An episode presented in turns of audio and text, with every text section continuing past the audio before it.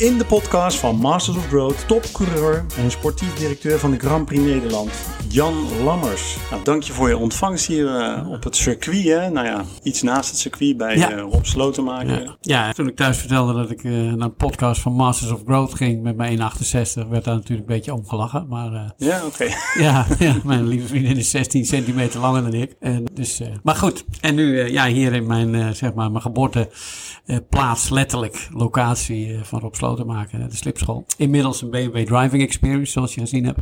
Ja, ja. Bij binnenkomen. Maar uh, ja, die is het, uh, hier in de bus voor mij allemaal begonnen met, uh, met autorace. Dat was leuk. En die is nog steeds leuk. Voordat we verder gaan, wil ik eerst even onze sponsor bedanken. www.geluk.com voor elk moment het juiste geschreven. Jan, je hebt een geweldige carrière achter de rug, wil ik niet zeggen. Want hij loopt zeker nu. Hè, is de momentum met Formule 1, wederom. Je hebt de Formule 3 gewonnen. De 24 uur van Le Mans. En die heb je ook vaak gereden. 23 Formule 1 races op je naam. En met je eigen sportcar team heb je ook nog heel wat titels bereikt.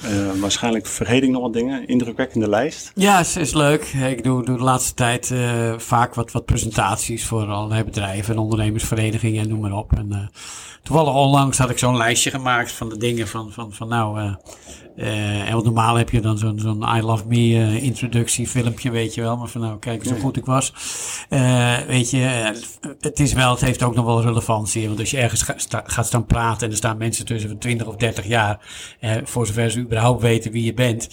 als ze autorace niet volgen, dan hebben ze geen idee wat je allemaal uitgesproken hebt. dus soms om even een klein beetje aan te tonen, meer waar ik vandaan kom en wat voor ervaringen ik heb gehad, ehm, laat ik dat vaak zien. Maar met name toen ik dat lijstje voor mezelf eens op een rijtje zetten van nou, waar ben ik nou het meest trots op? Dan kwam ik tot de conclusie dat ik hier uh, in 1975 nog met een, uh, met een simkaartje rondreed uh, in Zandvoort. En dat ik in 1978 al met de Formule 1 aan het testen was, hè, drie jaar later. Hè, dus, dus ik ben dan weliswaar laat begonnen. Hè. Mijn eerste race was was ik 16 dat ik uh, reed. Met een klein toewagentje. Max ja, zat al in de Formule 1. Ja, ja, ja. dus, dus in dat perspectief is het, is het dan heel laat. Maar ja, toen, uh, maar uh, toen ik dus me dat realiseerde, ik denk, jongen, dat was toch ook wel interessant in drie jaar. Nou, de andere leuke dingen zijn uh, het, het, Europese Formule 3 kampioenschap. Uh, dat ben ik nog steeds de enige Nederlander die dat uh, gewonnen heeft. Dus misschien als dan mijn zoon René de volgende zou zijn die dat voor elkaar krijgt. Dan zijn de Lammersjes de enige twee die Europees kampioen Formule 3 zijn geworden in Nederland. dat zijn leuke dingen. Maar goed, ja, nog steeds met van alles bezig. Zelf rijden. Race je nog? Nee, zelf rijden. Ik heb nooit besloten om ermee te stoppen. Maar ik ben zo eigenlijk in de carrière van, van mijn jongste zoon betrokken geraakt. Uh, en uh, ik heb drie heerlijke kinderen. Mijn dochter is 27, die woont in Florida, in Orlando. Uh, mijn zoon van 25, die woont de laatste vijf jaar bij ons in Nederland. Maar die heeft ook uh, 15 jaar daarvoor in Amerika gezeten. Dus, dus de familie is, is heel divers en verspreid en samengesteld. Maar ons nagerechtje René, die, die is nu 13. En ja, die is op serieus wereldniveau aan het karten. En uh, ja, alle signalen en alle feitelijke resultaten waar het om gaat. Hè, want ik kan iedereen wel vertellen hoe goed hij volgens mij is. Maar als hij niet wint, heb je er niks aan. Maar hij wint ook van tijd tot tijd. Hè. Ieder weekend winnen is er in de kartsport niet bij. Hè, want je hebt iets van 120 deelnemers af en toe. Dus uh, nee, dat is een heel, heel leuk leven. Waar, uh, wat, wat voor mij eigenlijk enorme uh, ja, afterburner, zeg maar, is gekomen. Want zelf met het racen was ik wel een klein beetje hè, aan het einde van mijn carrière alleen nog voor de lol een beetje aan het rijden. Dan komt in één keer uh, Max, die komt uit de hemel vallen. Wil iedereen van alles over Formule 1 weten. Nou, dan ben ik een van die mensen die er ook aan mee kan doen. En dan in één keer dat uh, sportieve directeurschap hier. Is er natuurlijk allemaal ontzettend leuke dingen. Los van dat ik nu tussen alle nieuwe Maxjes en Hamiltons en uh, noem het allemaal maar op, rondhang. Ja, dat is wel een kers op de taart, zeg maar. Ja, al die mannetjes die over een jaartje of vijf, zes in de Formule 1 zitten. Of misschien wel acht jaar. Ja, daar, daar zitten we ieder weekend tussen. Ja, met de ouders, dat hele kader, dat is echt een dynamiek. Dat is echt fantastisch. Ja. Echt fantastisch. Hey, en jij bent uh, vrij, uh, nou ja, jij bent jong begonnen. Dat las ik eigenlijk op internet. Maar jij zegt 16 is eigenlijk uh, oud. Nou ja, jong was toen jong. Maar, ja. maar nu, als, als kinderen 6 of 7 zijn, dan zijn de ouders al vaak bang dat ze te laat zijn. Dat, dat René is ook zo'n beetje op zijn zesde, zevende jaar begonnen. Uh, maar ik had voordat ik 12 was nog nooit in een auto gereden. Hè, dus toen kwam ik hier op de slipschool. Uh, zeg vrij normaal toch, voor een 12 jaar? Is ook heel normaal. Maar in die kartsport, hè, dat is net als met de autosport. Hè, als jij zegt van nou, ik heb een zoon die heeft volgens mij wel talent met voetballen. En je zegt hoe oud is die? Ja, dan, uh, en hij zegt 16, dan denk je ja, ja ik bedoel, Gavi die zat al in Barcelona op zijn 16e. Stond hij in de basis bij wijze van spreken. Dus, dus ja, hier is het ook zo dat dat. Uh, ik denk dat ja, je moet toch echt wel iets voor je tiende jaar beginnen wil je gewoon maximaal voorbereid in de Formule 1 aankomen als dat je goal is. Ja, ja. En kan je eens meenemen naar, naar, de start van je carrière? Hoe is dat uh, ontstaan? Ja, heel, heel, heel spontaan. En ik denk dat spontaan ook wel een beetje my middle name is, hè, zeggen ze dan. dus, dus spontaan is wel de rode draad door mijn leven. alles, alles komt bij mij spontaan tot, tot stand. Dat maakt het heel eerlijk. Soms ook wat, wat, wat chaotisch. Hè? Want het is uh, ook, uh, je kan heel makkelijk ergens spontaan in betrokken raken en er ook uh, heel snel weer uitstappen, hè? omdat het iets te spontaan was. Ja. Maar nee, dus ik, ik was toen 12, op de LTS zat ik toen, technische school in, in Haarlem. En daar kwam ik een paar vriendjes tegen en die hadden hele stoere fietsen met stickers erop enzovoort. En ik vroeg, waar heb je die stickers vandaan? Nou, dat was bij de slipschool voor Rob Slotenmaker. Dus daar werkte zij. Dus ik zei, nou, kan ik daar ook werken? Dan ben ik dat gaan vragen. En toen uh, ben ik hier gewoon begonnen met auto's wassen, baanspuiten en uh, banden rechtleggen. Pilonnetjes hadden we toen allemaal nog niet. Dus uh, zo is het begonnen. En aan het einde van de dag dan moesten de auto's gewassen worden. En dat op en neer rijden naar die wasplaats. Ja, dat is waar je de hele dag eigenlijk voor werkte. Ja, ja. En, en, en, toen mocht je dus gaan racen, zeg maar. Ja, nou toen, toen uh, afhankelijk eigenlijk ook, ook een beetje van, van hoe goed je je werk wel deed. Hè, als dank voor, voor hoe goed je je werk had gedaan. Mocht een paar rondjes extra rijden. Nou, dan kreeg je af en toe een foutje. Maar, maar uh, Rob Slotenmaker was ook een enorme pedagoog. Hij, hij had zelf heel graag kinderen gehad eigenlijk. Maar ja, daar heb je natuurlijk wel een vrouw voor nodig. Ja. En, en uh, althans, was wel, tegenwoordig misschien ook niet eens meer. Maar in ieder geval, nee, dus hij, hij kon eigenlijk nooit een goede relatie vinden. En, en dat zat hem best wel een beetje dwars, maar hij was aan de ene kant een enorme vrijbuiter. En, en ook best wel een groot kind eigenlijk. Uh, dus hij, hij is zelf eigenlijk, hij is op zijn vijftigste helaas veel te vroeg gestorven. Maar aan de andere kant, het was ook iemand die nooit volwassen kon worden. Dus het was echt een superleuke kerel. Ik denk als je dat nu plaatst in deze tijd, hè, waar je gewoon zo'n man van, van die leeftijd ziet, met allemaal kleine jongetjes om zich heen op de slipschool, dan zouden mensen daar heel raar tegenaan kijken. Maar iedereen die dat meegemaakt heeft, hè, ook mijn vriendjes die daar toen bij waren, die weten wel dat dat, dat gewoon, ja, pure, uh, ja, ja, hele, hele, hele pure uh, liefde was voor, voor kinderen en jongens om hem heen. Dan kon hij zijn kennis delen. En hij had altijd uh, ontzettend veel plezier gewoon met ons. He, want dan, dan, mochten we mee naar de boot en dan gaf hij ons allemaal weer te eten. En al, onze ouders die wisten eigenlijk van nou, als, hij met Rob, als ze met Rob zijn, dan is het goed. En het was ook altijd. Ze bracht je altijd op tijd terug. Liet altijd weten waar we waren. En, en ja, het ging echt altijd fantastisch. Dus het was echt een uh, enorme pedagoog die je naast dat hij je leerde autorijden en ook af en toe rondjes op circuit rijden. Hij heeft ook mijn eerste raceauto betaald. En dus hij heeft echt mijn, mijn carrière helemaal uh, opgestart. Dat, dat ja, als je hem in mijn leven wegdenkt, dan uh, ben ik ook weg. Dan, ja. Maar op een gegeven moment zag hij dus in jou van dit kan wat worden. Uh, ja, kennelijk. Lastig van jezelf te zeggen. Maar dat uh, hoorde ik hem wel tegen iedereen vertellen. Dat gaf mij dan ook wel een, uh, een boost, weet je. Want als iemand daar gewoon vol overtuiging zegt van ja, gaat laten Formule 1 rijden.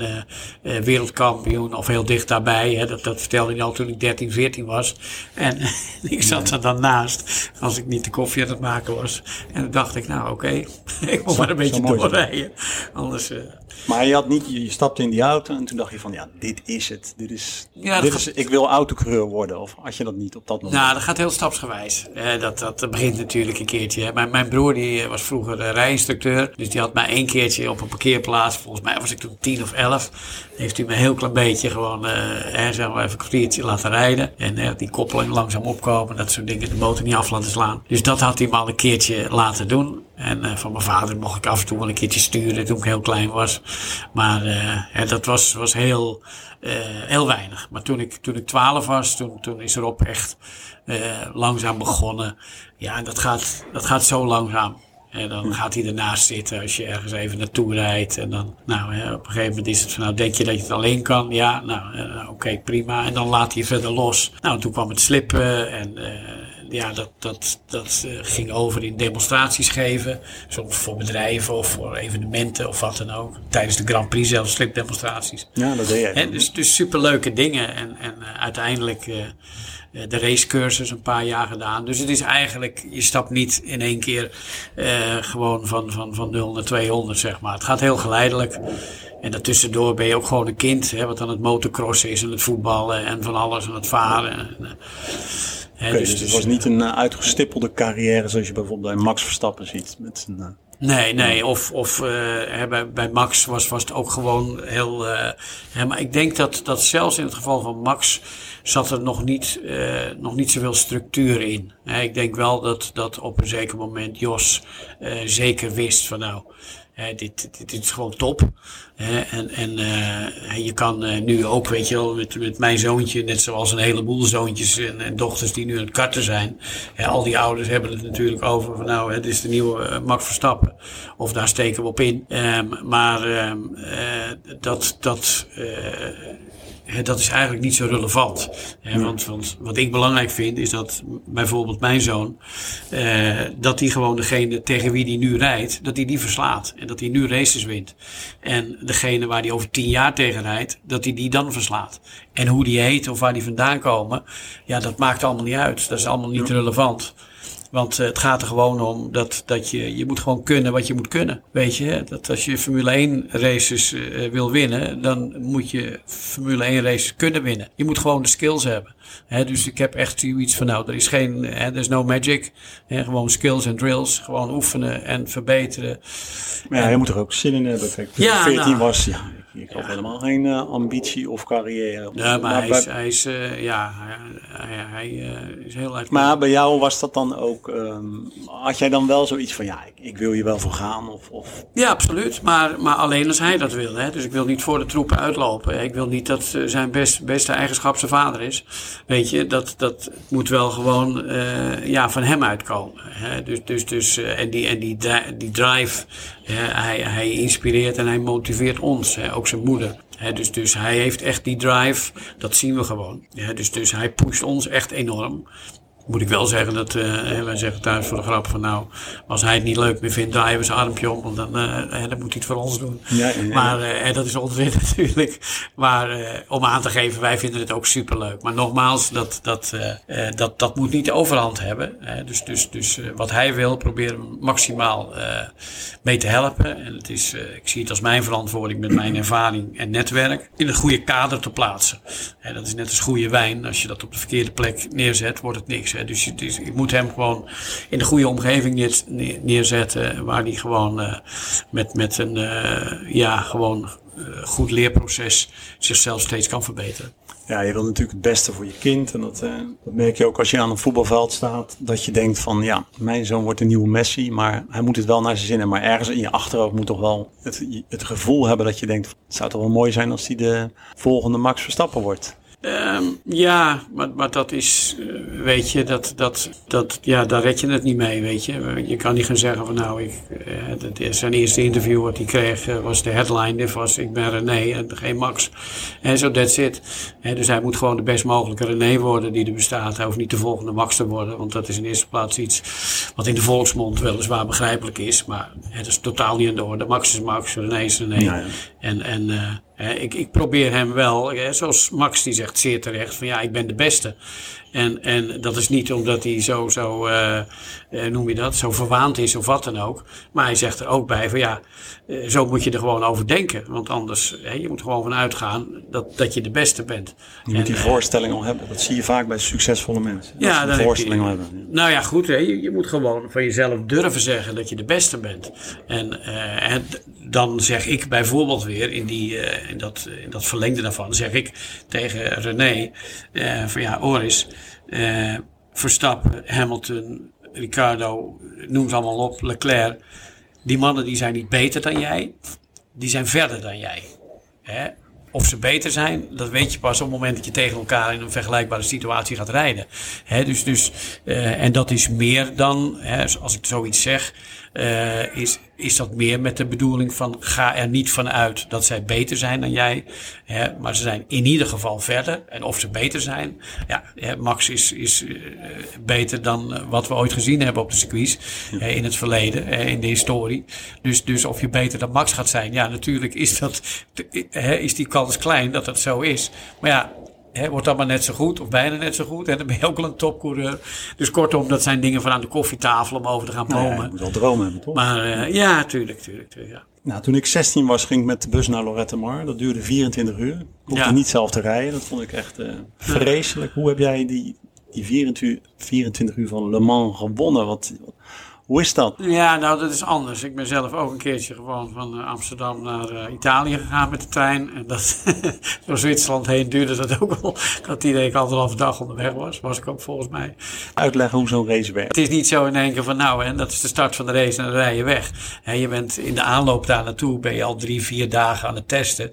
In Zuid-Frankrijk op het circuit. Paul Ricard is een belangrijk circuit. Monza wordt ook vaak voor Le Mans getest. Want wij hadden in die tijd een recht stuk van vijf kilometer. En dus we haalde topsnelheden van, van 400 km per uur.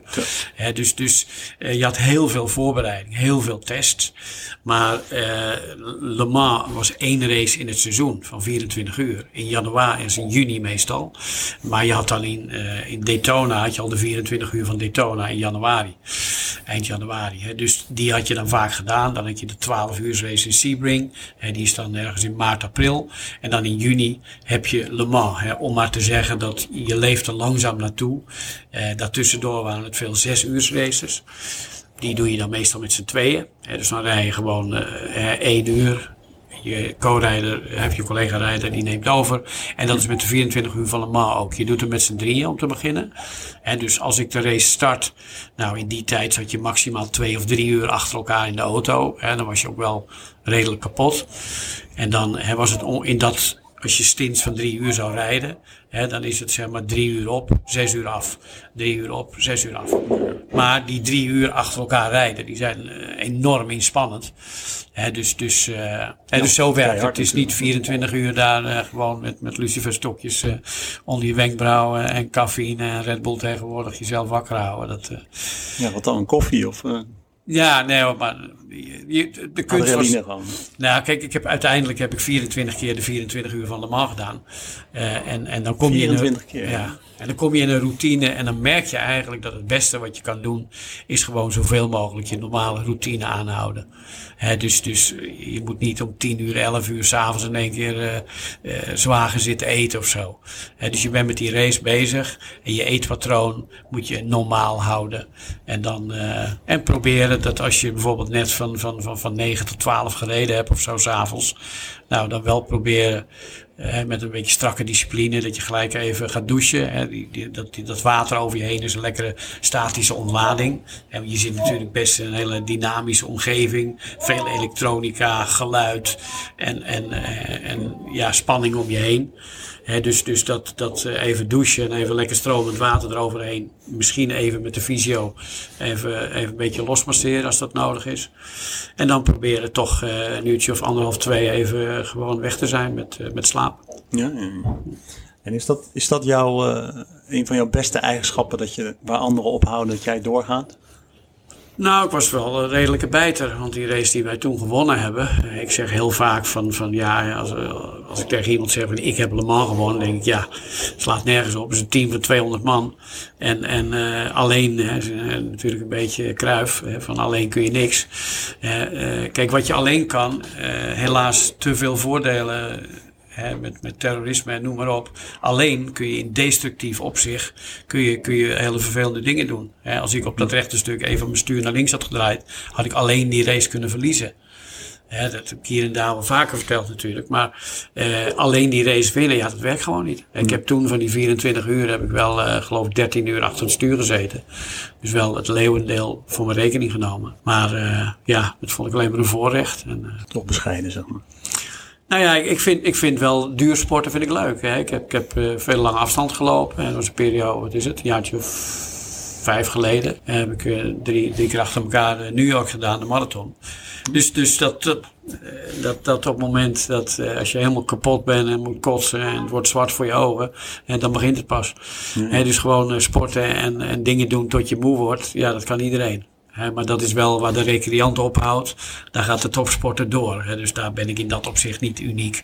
Maar dat is iets dat hoort gewoon bij het, bij topsport, uh, ja, bij de topsportmentaliteit. En eh, volgens mij is sales ook heel belangrijk in, ehm, ja, in de racerij. Is, is, dat, is dat iets wat jij dan ook beheerst? Of wat je moet beheersen om die sponsors aan je te, te binden?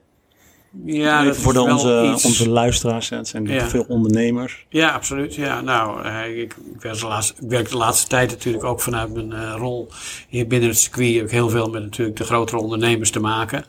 Uh, dus dat inleveringsvermogen is heel groot geworden. Zelf ben ik niet de geboren ondernemer. Ik heb, ik heb wel een aantal jaren zelf een sportscar team, zeg maar even een racegarage gehad dus dus uh, dat, dat, dat liep op een zeker moment behoorlijk uit de hand qua omvang. Ik denk dat wij ook zo'n 5, 6 miljoen omzet draaiden in een jaar. maar uh, bij, bij ons, uh, om, om gewoon sportief succes te combineren met, met, met gewoon zakelijk gewin. winst uit onderneming, zeg maar even. Dat, dat zien we wel bij al die professionele voetbalclubs van de Eredivisie, noem maar op. Dat is altijd vreselijk moeilijk. omdat wat je verkoopt is beleving. Ja, dus het is niet echt tastbaar. Hè. Dus, dus, dus uh, en die beleving die, die, die heeft voor de ene een hele andere waarde dan voor de ander.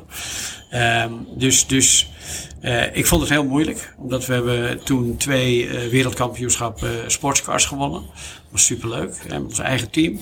We deden in Le Mans ook voorin mee met ons eigen team. Tegen de fabrikanten als Audi en, en, noem ze allemaal maar op. Ja dus dat, dat ging op zich goed. Maar ja, na een paar jaar uh, had ik zelf een negatief eigen vermogen van 3,2 miljoen. Uh, dat was ergens een beetje 2,6, uh, sorry, 2006. Nou, toen heb ik in 2010 heb ik echt de sleutel omgedraaid en de werkplaats gesloten. Ik dacht van nou, hier moet ik mee stoppen. En toen ben ik tot 2014, half 2014 bezig geweest om niet failliet te gaan. En dat is gelukt. Hè, dus gelukkig geen faillissement. Maar met enorm veel, veel, veel geduld en begrip en hulp van veel mensen uh, ben ik er toch doorheen gekomen. En, en heb ik dat af kunnen sluiten.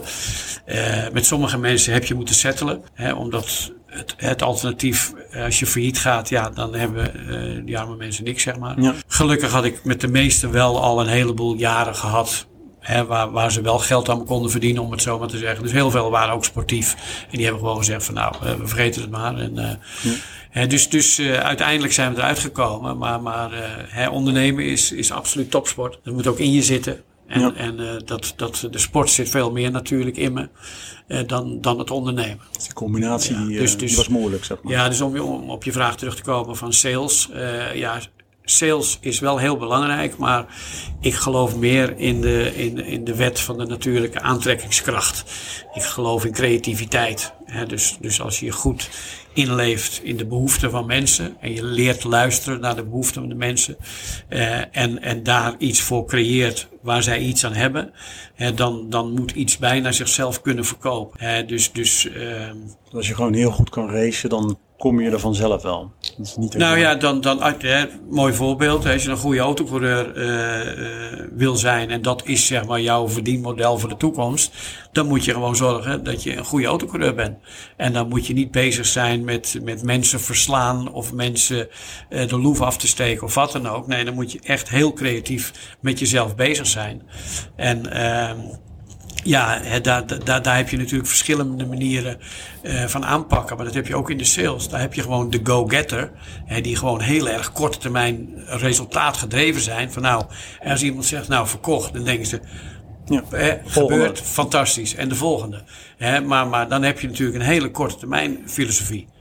Hè, maar maar uh, ik, ik ben meer iemand die, die dat als iemand zegt van nou prima, hè, uh, doe mij er dan maar heen. Hè, dan ben ik meer iemand die zegt van ja, maar heb je er goed over nagedacht? Want ik wil dat als je er morgen op terugkijkt in volgend jaar, dat je daar nog steeds uh, over nadenkt. Hè? Dus denk er even rustig over na. Uh, als je het morgen nog wil, prima, maar dan weet ik het zeker. Of bla bla bla. Vaak heeft dat als gevolg dat die mensen dat zo uniek vinden, dat ze zeggen dat ze hem dan zeker willen hebben, bij van spreken. Maar, maar het moet ook wel oprecht zijn. Bijvoorbeeld dat, dat, uh, dat traject met, met mijn jongste zoon, met René. dat, dat zijn jaren wat ook al enkele tonnen per jaar kost. Hij rijdt bij een fabrikant. Maar ja, we rijden altijd in Italië, in Spanje, eh, straks in Zweden en noem maar op. Je bent toch al redelijk veel aan het reizen. Dus het gaat echt uh, toch met tienduizenden euro's tegelijk. Dus, dus daar moet je dan ook al, zit je ook al in die ondernemersomgeving. Nou, ik heb een fantastisch club van, van, van ongeveer 25, 30 mensen. Die daar allemaal iets doen. De een wat meer dan de ander. Maar bij ons uh, overheerst gewoon het goede gevoel. Dat, dat als het goede gevoel er uh, is, weet je wel, dan gaan we kijken, nou, mogen we nog een jaartje doorgaan? Zo ja, wat, wat mag ik factureren? Weet je, dus... dus, dus ja, maar bedoel, je netwerk heb je wel nodig. Je hebt dat nodig, maar... maar, en maar heb jij natuurlijk. Uh, ja, ja, tuurlijk, tuurlijk. Maar, maar dat, dat, uh, ja, daar moet je wel zuinig op zijn natuurlijk. En, en dat, dat, uh, ja, dat begint met oprechtheid. En, en nogmaals, inlevingsvermogen is heel erg makkelijk. En dat als mensen twijfelen, ja, zal ik dat doen of niet? En, en ik wil mensen ook niet binden.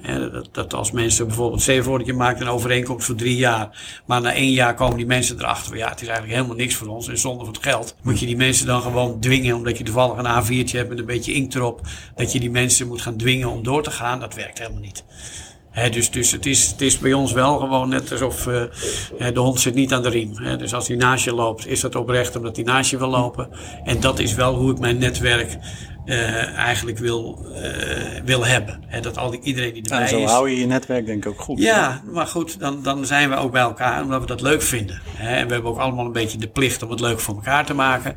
En, uh, dus, dus ik probeer daar wel gewoon met, met normale waarden met, met mensen om te gaan. En met een enorm gevoel voor, voor empathie probeer ik dat te benaderen. Is nu misschien wellicht iets anders, maar vroeger moest je toch wel serieus rekening mee houden dat je kon verongelukken. Nou ja, dat, hm? dat absoluut. Hè, dat, uh, hoe, ja, hoe ging je daarmee om? Uh, hoe, voel, hoe voelt dat? Of denk je daar gewoon niet over na? Nou goed, de, de, deze vraag die, die is natuurlijk vaak aan bod gekomen. En, en uh, ja, het was gewoon een feit. S ochtends wist je niet of je er s'avonds nog was. He, want want uh, wij zaten in een, een, een, chassis dat was gemaakt van aluminium. En zoals de vliegtuigen toen geconstrueerd werden. Al een benzinetank met de veiligheid van die tijd. Hè, wat, wat weliswaar toen geavanceerd was, maar eigenlijk nog lang niet op het niveau waar het nu is. Dus ik zat gewoon met, met iets van 220 liter benzine achter me. Ik zat daar letterlijk.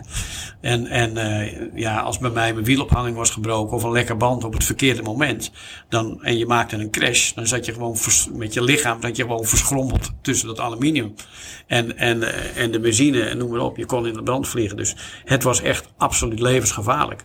En dus godzijdank ben ik, uh, ben ik daar goed doorheen gekomen. En uh, ik heb die ongelukken nooit meegemaakt. Dus daar ben ik heel dankbaar voor. Maar dat, dat was inderdaad zo. Dus je moest vaak over het leven nadenken. Je was niet bang?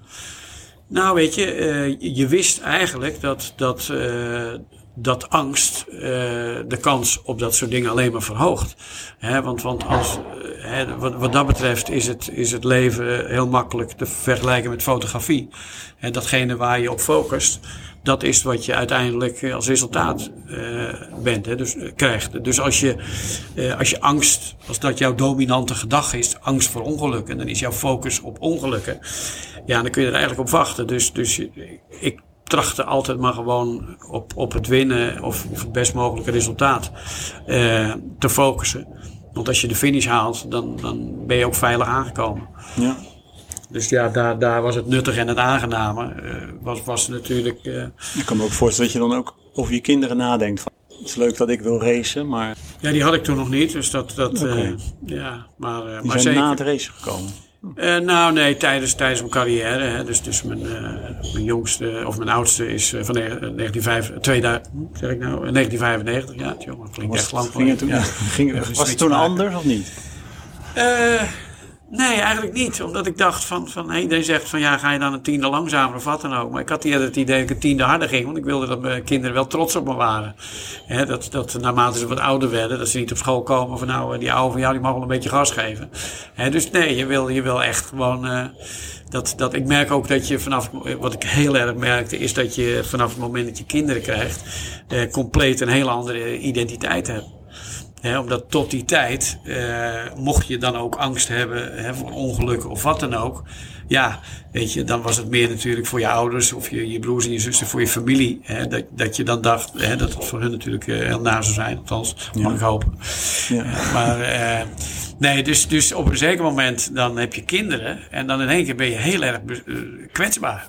Want ik kan aan de andere kant van de wereld zijn en dan kunnen mensen mij pijn doen door mijn kinderen pijn te doen. Dus dat hele besef van kwetsbaarheid, dat, eh, dat was bij mij echt aanwezig. Ik kan me herinneren dat mijn, uh, mijn dochter, die was nog maar uh, kort, kort geboren. En toen was die, ik was in Japan. En toen was die, die zaak met Dutroux was aan de gang. Hmm. En vanaf ja, iedere vader en moeder kan dat ambiëren wat ik nu zeg. Ja. dat, dat vanaf het moment dat je dan dat je kinderen hebt, is je hele emotionele leven, emotionele leven veranderd dat, dat ik zat daar op die hotelkamer eh, in mijn eentje in Japan. En ik zag dat hele verhaal van Dutroux. En ja, de tranen lopen over je wang. Ik vind het verschrikkelijk. hoe mensen eh, ja, ja, ja, dat, dat, dat, dat uh, ik weet natuurlijk, ik ben ook niet helemaal achterlijk, ik kom ook niet uit een ei. Ik weet wel dat mensen vreselijke dingen kunnen doen, maar ja, dat is dan wel weer next level waarvan je helemaal nooit bij stil had gestaan. Een vraag van onze sponsor www.geluk.com. Wat was nou het moment dat jij dacht, nou, nu heb ik zoveel geluk gehad in mijn carrière? Ja, dat, dat uh, waarschijnlijk uh, vanaf het moment dat ik geboren werd. Maar uh, alleen heb je, heb je dat bewustzijn nog niet van. Nee, ik, ik, ik, ik prijs nog iedere dag gewoon mezelf gelukkig dat, dat, ik, dat ik fit en gezond ben en dat ik dit leven heb. Hè. Dus ik ben gewoon dankbaar voor het leven. Ik ben dankbaar voor mijn gezondheid. En op hetzelfde moment ben ik dankbaar voor het leven van mijn kinderen en hun gezondheid. want van daaruit ja, moet je eigenlijk alles aankunnen. dus, dus alles wat, uh, wat mij of ons overkomt. Zodat we niet in het ziekenhuis terechtkomen of, of in de rechtszaal. Hè, die twee dingen, als je daar weg kan blijven, ja. dan moet je daar dankbaar voor zijn. En, en, uh, en nee, dus je moet niet wachten uh, tot je zelf tot de conclusie komt van, uh, dat je gezondheid het belangrijkste is wat er is. Dat moet je echt gewoon beseffen op het moment dat je gezond bent. Elke dag gezond. Is ja, voor ieder moment, uh, ieder wakker moment moet je je daarvan bewust zijn. En dat alle problemen die je hebt, hoe, hoe ongemakkelijk die ook uitkomen op zo'n moment. En wat het ook is, en het kan een gemiste vlucht zijn, of je auto die in elkaar rijdt, of, of iets wordt gestolen, of iets stort in elkaar. Als je zelf gezond bent, dan moet je je beseffen dat het allemaal luxe problemen zijn. Je moet niet wachten dat situatie als, als de Oekraïne jou overkomt. dus dus, dus uh, daar zitten mensen met een pak ellende. Uh, en die moeten ons niet horen klagen over futiele dingen. dus, dus uit respect voor al dat soort mensen die, die het veel en vele malen slechter hebben, of die het heel slecht hebben, moet je echt gewoon koesteren wat je hebt, hoe, hoe weinig dat ook uh, zou zijn. In hoeverre was je bezig met dat hoogste podium, toch de winnaar van de Formule 1? Um, nou, daar was ik altijd wel mee bezig. Hè. Dus, dus uh, kijk, maar je moet realistische doelstellingen hebben. He, dus je kan heel ambitieus zijn. He, dus dus uh, je moet, als iemand gaat zeggen, nou, die Mount Everest, ik, ik ga eens even kijken hoe ver ik kom. Ja, blijf dan thuis en bespaar je de moeite, want zo werkt het niet.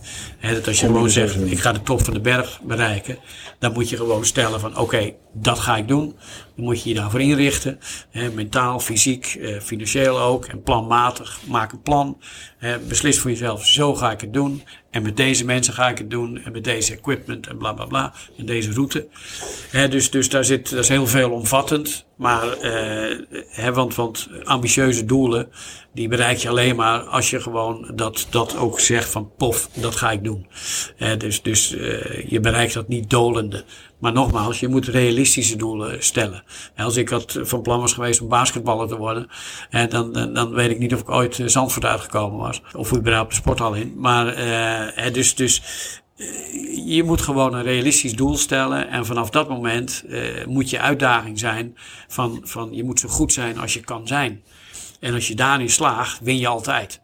Dus, dus ik kan met, met, met ik weet niet hoeveel uh, klop uh, het zaalvoetbalveld afstappen. en dan heb ik nog het gevoel dat ik gewonnen heb. En dat ik denk van ja, beter kon ik niet.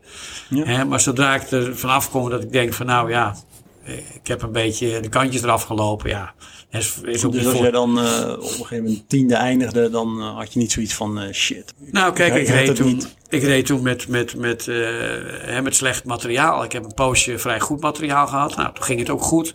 Hè, toen, toen stond ik een keer de vierde starttijd, had ik in Long Beach. En stond ik op de tweede startrij. Nou, dat is een record. Dat heb ik 34 jaar als Nederlander vastgehouden. Hè, op een wereldniveau stelde op Wikipedia voor dus, natuurlijk. Maar, maar in ieder geval voor verjaardagen was dat een leuke. Of voor een podcast. Maar in ieder geval, uh, uh, dus dat, dat is leuk. Maar het gaat mij, waar het mij om ging, is gewoon dat, dat ik altijd uit mijn situatie en uit mijn materiaal en uit mijn omgeving het maximale halen. Dat heb ik pas op een veel latere leeftijd geleerd. Dat, dat het eigenlijk daarom gaat. Maar in de tijd dat ik in de Formule 1 zat, uh, had ik die wijsheid nog niet. Stapte ik s ochtends niet gewoon uh, de, de, de paddock binnen. Uh, want dan zie je daar een heel team. En dat team, dat, dat moet jou op handen dragen. Dat team moet jou gewoon, dat team om jou heen, en dat is voor de ondernemer denk ik ook heel belangrijk. Eh, dat, dat, dat team waar jij ochtends gewoon directiekamer of wat dan ook binnenkomt lopen, jouw team, jouw bedrijf, jouw mensen, dat moet jouw thermiek zijn. Die mensen moeten jou gewoon naar het succes brengen. Maar dat moet je beseffen dus daar moet je niet gewoon old school daar gewoon gaan zitten van nou dit en dat en dat moet vanmiddag gebeuren. Ja, waarom? Omdat ik het zeg. Zo werkt het niet meer tegenwoordig. Die mensen moeten snappen en je moet communiceren waarom je dat wil. En dan snappen die mensen dat ze gewoon hard moeten lopen, omdat het in hun eigen belang is. dus ik had toen nooit het besef dat ik daar gewoon s ochtends uit het hotel de paddock en de garage binnenliep. Had ik niet echt dat besef van nou, dit zijn de jongens en die heb ik nodig uh, voor mijn succes. En, uh, en, natuurlijk is het wel even een praatje maken met die en een praatje maken met die. Dat is een beetje per. Maar, maar uh, echt gewoon zorgen dat je het beste uit de mensen om je heen haalt. Uit de, de, de omstandigheden, als het gaat regenen of het gaat, wat dan ook. Men zegt van ja, we moeten eigenlijk deze versnellingen hebben, maar die hebben we niet meer. Dus we hebben nu deze erin staan. Maakt niet uit. Je haalt het beste uit wat je hebt. En met name uit jezelf. En als ik dan uh, twaalfde word en ik weet gewoon dat er niemand, en ik heb de overtuiging dat er niemand op de hele wereld harder had kunnen gaan met die auto, heb ik voor mezelf gewonnen. En had je dan niet voor de volgende race van dit moeten we anders gaan doen? Natuurlijk, natuurlijk. Hè. Je bent gewoon alles wat je vandaag presteert is, is morgen niet goed genoeg. Hè. Dus, dus je moet daarmee doorgaan. Hè. Maar we hebben ook gewoon in recente situaties Max wel uit de auto zien stappen. Hè, met de tweede plaats. En dat hij zei van nou ja, dit was het. Hè. Meer zat er gewoon niet in voor Max zijn gevoel moet hij dan kunnen zeggen van, van, van nou, ik heb gewonnen. He, want, want dat, dat uh, heel vaak uh, clichématig zeggen mensen, ook omdat het een gewoonte is, van nou, hè, je teamgenoot uh, is, is je eerste concurrent. Ik snap wel dat het een referentiepunt is, maar dat is natuurlijk niet jouw grootste concurrent. Hè, want, want je moet niet bezig zijn om je teamgenoot te verslaan. Dat is helemaal niet relevant. Gewoon bij jezelf blijven en gewoon zeggen: Oké, dit is het. Dit is mijn auto, dit zijn mijn monteurs, dit is mijn team.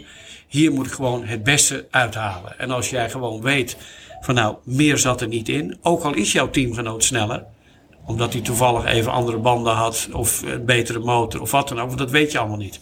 Ook al is die andere teamgenoot sneller dan jij, je moet dan kunnen zeggen van nou, gefeliciteerd. Hè, dat kan je dan ook. Hè. Dan kun je zeggen, hey, good job, fantastic en noem maar op. Omdat je zelf weet dat er niet meer in zat. Maar als jij een ronde hebt gereden met twee of drie foutjes, moet je dat ook toe kunnen geven. Kortom, het is een creatief proces. Je moet met jezelf bezig zijn. Je hoort Max ook zelden over zijn teamgenoot. Hooguit als hij het een keer goed gedaan heeft. Nou, super. Dat is niet zijn bron van motivatie. Je moet niet bezig zijn met je teamgenoot te verslaan. Want dan is, ben jij met je teamgenoot bezig. Ja. Vaak heb je dat iemand als Max, die altijd de snelste is in zijn team, die is altijd de snelste omdat hij met zichzelf bezig is. Zijn teamgenoot probeert altijd hem te verslaan. Wat krijg je dan voor situatie? Max is bezig met zichzelf en zijn teamgenoot is bezig met Max. Blijf bij jezelf en, en, en dan kan je het maximaal eruit halen. Absoluut, ja. ja. Ja, ik merk ook toch dat jij dat ook dan die dankbaarheid hebt van oké, we hebben er alles uitgehaald met dit materiaal.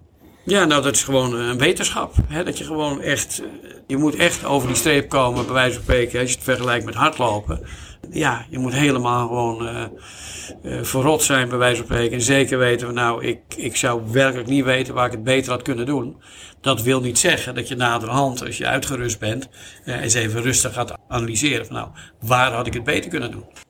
je bent nu sportief directeur van de Grand Prix Nederland. Hoe beleef je dat? Ja, dat is natuurlijk een uh, geschenk uit de hemel. Uh, even kijken. Ik, uh, tik, dit nadagen jaar... van je carrière, zeg ja, maar. Ja, nou, ik tik dit, dit, jaar de 66 aan. Dus dit, dit loopt al een jaartje of drie, vier. Hè. Dus, dus als je zo 2, 63 bent, ben je een beetje uitgereisd. Dus kun je natuurlijk allemaal mensen op verjaardagen en andere bijeenkomsten gaan vermoeien met verhalen over hoe goed je was. Weet je, dus kortom, na de, de laatste afslag van je carrière, zeg maar.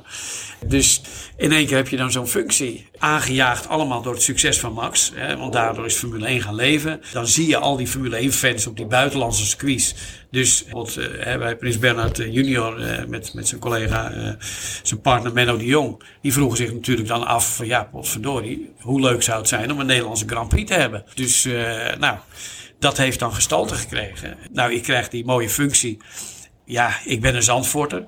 Uh, ik heb Formule 1 gereden. Ik heb in het bestuur gezeten voor een van de circuit. Dus ik heb inlevingsvermogen van, van, van zowel de coureur. Je moest het gewoon worden. Nou ja, als de coureur, de, de, de teameigenaar uh, vanuit, vanuit het circuit. En vanuit de regio als, als, als, als burger. En hebt uh, heel veel inlevingsvermogen vanuit allerlei invalshoeken. En die sportieve directeursfunctie, die, die zie ik hoog, hoofdzakelijk vanuit de gedachte sport moet verbroederen.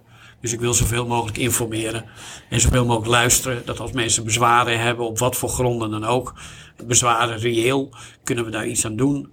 En daar doe ik dan gewoon mijn best, zowel intern als extern, om te kijken hoe ik kan verbroederen, hoe ik kan verbinden. Maar uh, zoveel mogelijk op basis van gewoon, uh, het moet relevant zijn en het moet informatief zijn. Maar het is ook echt een moment ja, superleuk. komt. Ja. superleuk. Maar, maar en ook die Max ook nog Formule 1. Ja, is hij ook nog wereldkampioen. En we hebben ook nog uh, Formule 2 wereldkampioen. En Nick de Vries. En die is dan ook nog Formule Elektrisch, hè, Formule E kampioen geworden. En dan hebben we nu een uh, MP Motorsport. Hè, dat is een, een, team uit de Hoekse Waard van Henk de Jong. Ja. Uh, die, die wint de laatste Formule 2 race als team. Nou, van Amersfoort uh, hebben we ook nog van, Am van Frits van Amersfoort. Het team waar uh, Max Verstappen en Leclerc vroeger voor hebben gereden in de Formule 3. Maar die hebben nu ook een Formule 2 team. En die draaien ook al gelijk voorin mee. Dus, dus we hebben in één keer twee ja, Formule 2 teams die in de top meedraaien. Formule 3 en Formule 4 hebben we ook al. In de kartsport uh, doen de Nederlanders het goed. En, en ook in het simracen dus we hebben team Redline, waar, waar, Max Verstappen met onder andere Adse Kerkhoff uh, uit Breda samen met ja. het simrace ook op wereldniveau bezig is. Dus zowel in de simulatie als in de werkelijkheid is Nederland zo fantastisch vertegenwoordigd op het moment. Echt een heerlijk klimaat. Beleef je het net zoals vroeger toen je zelf race of is, is het toch anders? Hè? Als, als, als een voetbaltrainer die zeg maar... Um professioneel gevoetbald heeft? Uh, ja, weet je, ik, ik zie het een beetje net als kinderen, weet je. Als je voor het eerst kinderen hebt, dan gaat iedereen je vertellen van ja, het wordt steeds leuker, weet je. Uh, want er komt alleen maar bij. Je hoeft je oude herinneringen en, en, en noem maar op niet in te leveren, je niet om te ruilen. Dus, dus voor mij, er komt alleen maar bij. Dus dus ik, ik zie het alleen maar voller en, en rijker worden. Dat wat ik meegemaakt heb, heb ik meegemaakt. En dit komt er allemaal bij dus, dus het is wat dat betreft gewoon uh, heerlijk. En uh, wat ik al eerder zei, gewoon vooral ook die ervaring op die internationale kartbanen. Uh, met, met ook gewoon die, die toppers in de wereld van die leeftijdscategorie. Ja. Dat is gewoon heerlijk. He, dus, dus als die straks over tien jaar in de Formule 1 zitten en ik wandel ook nog een beetje rond, dan, dan of schuifel dan misschien. Maar dan, dan, ja, dan, dan is dat gewoon zo leuk, omdat je het helemaal van, van, vanuit de basis hebt zien komen. Heb jij nog, um, je hebt al wat tips gegeven, maar heb jij nog een, eh, een laatste tip voor, uh, voor onze ondernemers om zo te groeien zoals jij dat gedaan hebt in je carrière? Nou ja, ik, ik, eh, ik, ik denk niet uh, dat, dat groeien zie ik niet zozeer in, in, uh, in hoogteverschillen of wat dan ook. Of, of in materieel of financieel opzicht of wat dan ook. Dus daar ben nou, ik echt... Maar je carrière is het, In mijn eigen omgeving, binnen mijn eigen vrienden en kennissen zeg ik nou, altijd. Niet zo bescheiden Jan. nee, maar, een prachtige carrière. Je bent enorm gegroeid. Ja, nou, dat, dat is natuurlijk Veel hartstikke gewonnen. leuk. Maar in mijn eigen omgeving maak ik daar natuurlijk nog wel eens grapjes over. Want dan zeggen ze nog wel eens, je bent altijd jezelf ge- gebleven. En dan zeg ik wel, ja, vooral financieel. Eh, dus, dus, dus, want ik ben wel altijd een, eh, iemand geweest die, die dingen wilde doen met mijn geld. Eh, ik wilde niet, ik, ik, ik- ben niet van het hebben, maar ik ben van het doen. Eh, zoals nu, eh, ontzettend veel plezier met, eh, met onze zoon. Eh, en ook eh, jammer genoeg, mijn dochter heb ik een poosje niet kunnen zien in Amerika vanwege COVID en noem maar op. Dus, dus dat, dat, dat zijn jammerlijke dingen, maar, maar in, de, in de belevingssfeer natuurlijk fantastisch. Maar ja, richting de ondernemer, ehm, eh, ik, ik denk dat, dat wat ik zelf het belangrijkste vind, wat ik heb geleerd, is dat je bij, bij problemen en obstakels en conflicten in je bedrijfsvoering, in je streven naar je doel, kom je altijd obstakels en problemen tegen. Dingen gaan fout en noem maar op. En, en eh, ik denk dat je, dat je, eh, je moet de gelegenheid van het probleem zien.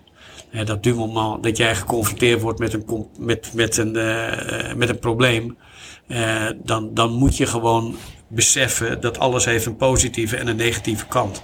Dat du moment dat jij met iets geconfronteerd wordt wat echt heel negatief is, dan moet je gewoon de geloofsovertuiging hebben dat dat die kant van het verhaal is, dat er ook een andere kant is. Er is een positieve kant. En die krijg jij te zien du moment dat je die negatieve kant gewoon accepteert. Er zijn geen accu's met twee pluspolen of twee negatieve polen, die werken ook niet. Dus, dus je moet gewoon weten dat de wereld draait rond van, van een plus en een minpool, positieve en negatieve dingen. Dus je moet de gelegenheid van, van het probleem zien. En als morgen eh, natuurlijk bij jou de bank het krediet opzegt. En dat je in één keer denkt van nou nu ga ik helemaal ondersteboven. Om dan ook positief te blijven. Dat je denkt van oké. eh, wat ik hier aan, hè, dat je gewoon eh, zonder emotioneel betrokken te raken erbij. Dat je gewoon het als een werkstuk ziet van oké. Wat, wat kan ik hiermee? Ja, bijt je vast in de oplossing. Maar heb het vertrouwen dat er een oplossing is. Maar vaak eh, ja, eh, nemen mensen de slachtofferrol in, dramatiseren alles, denken dat de hele wereld gewoon op hun gemind. Hè, en dan, dan gaan ze zichzelf zielig vinden en, en noem maar op. Maar op het moment dat, dat, dat alles fout gaat, wat je maar kan bedenken. Dus zodra je door Murphy's Law zeg maar even aangesproken wordt. Ja. Dat is het moment waar je eh, gewoon de, de, de, de man from the boy eh, ziet. Of de girl from eh, the, the woman. Hoe je het wil noemen, alles wat er tussenin zit. Hè. Dus, dus dat is wanneer je gewoon, hè, als mensen met hun rug tegen de muur staan, zie je vaak het echte karakter naar boven komen. En dat, dat, ja. Gewoon de mindset.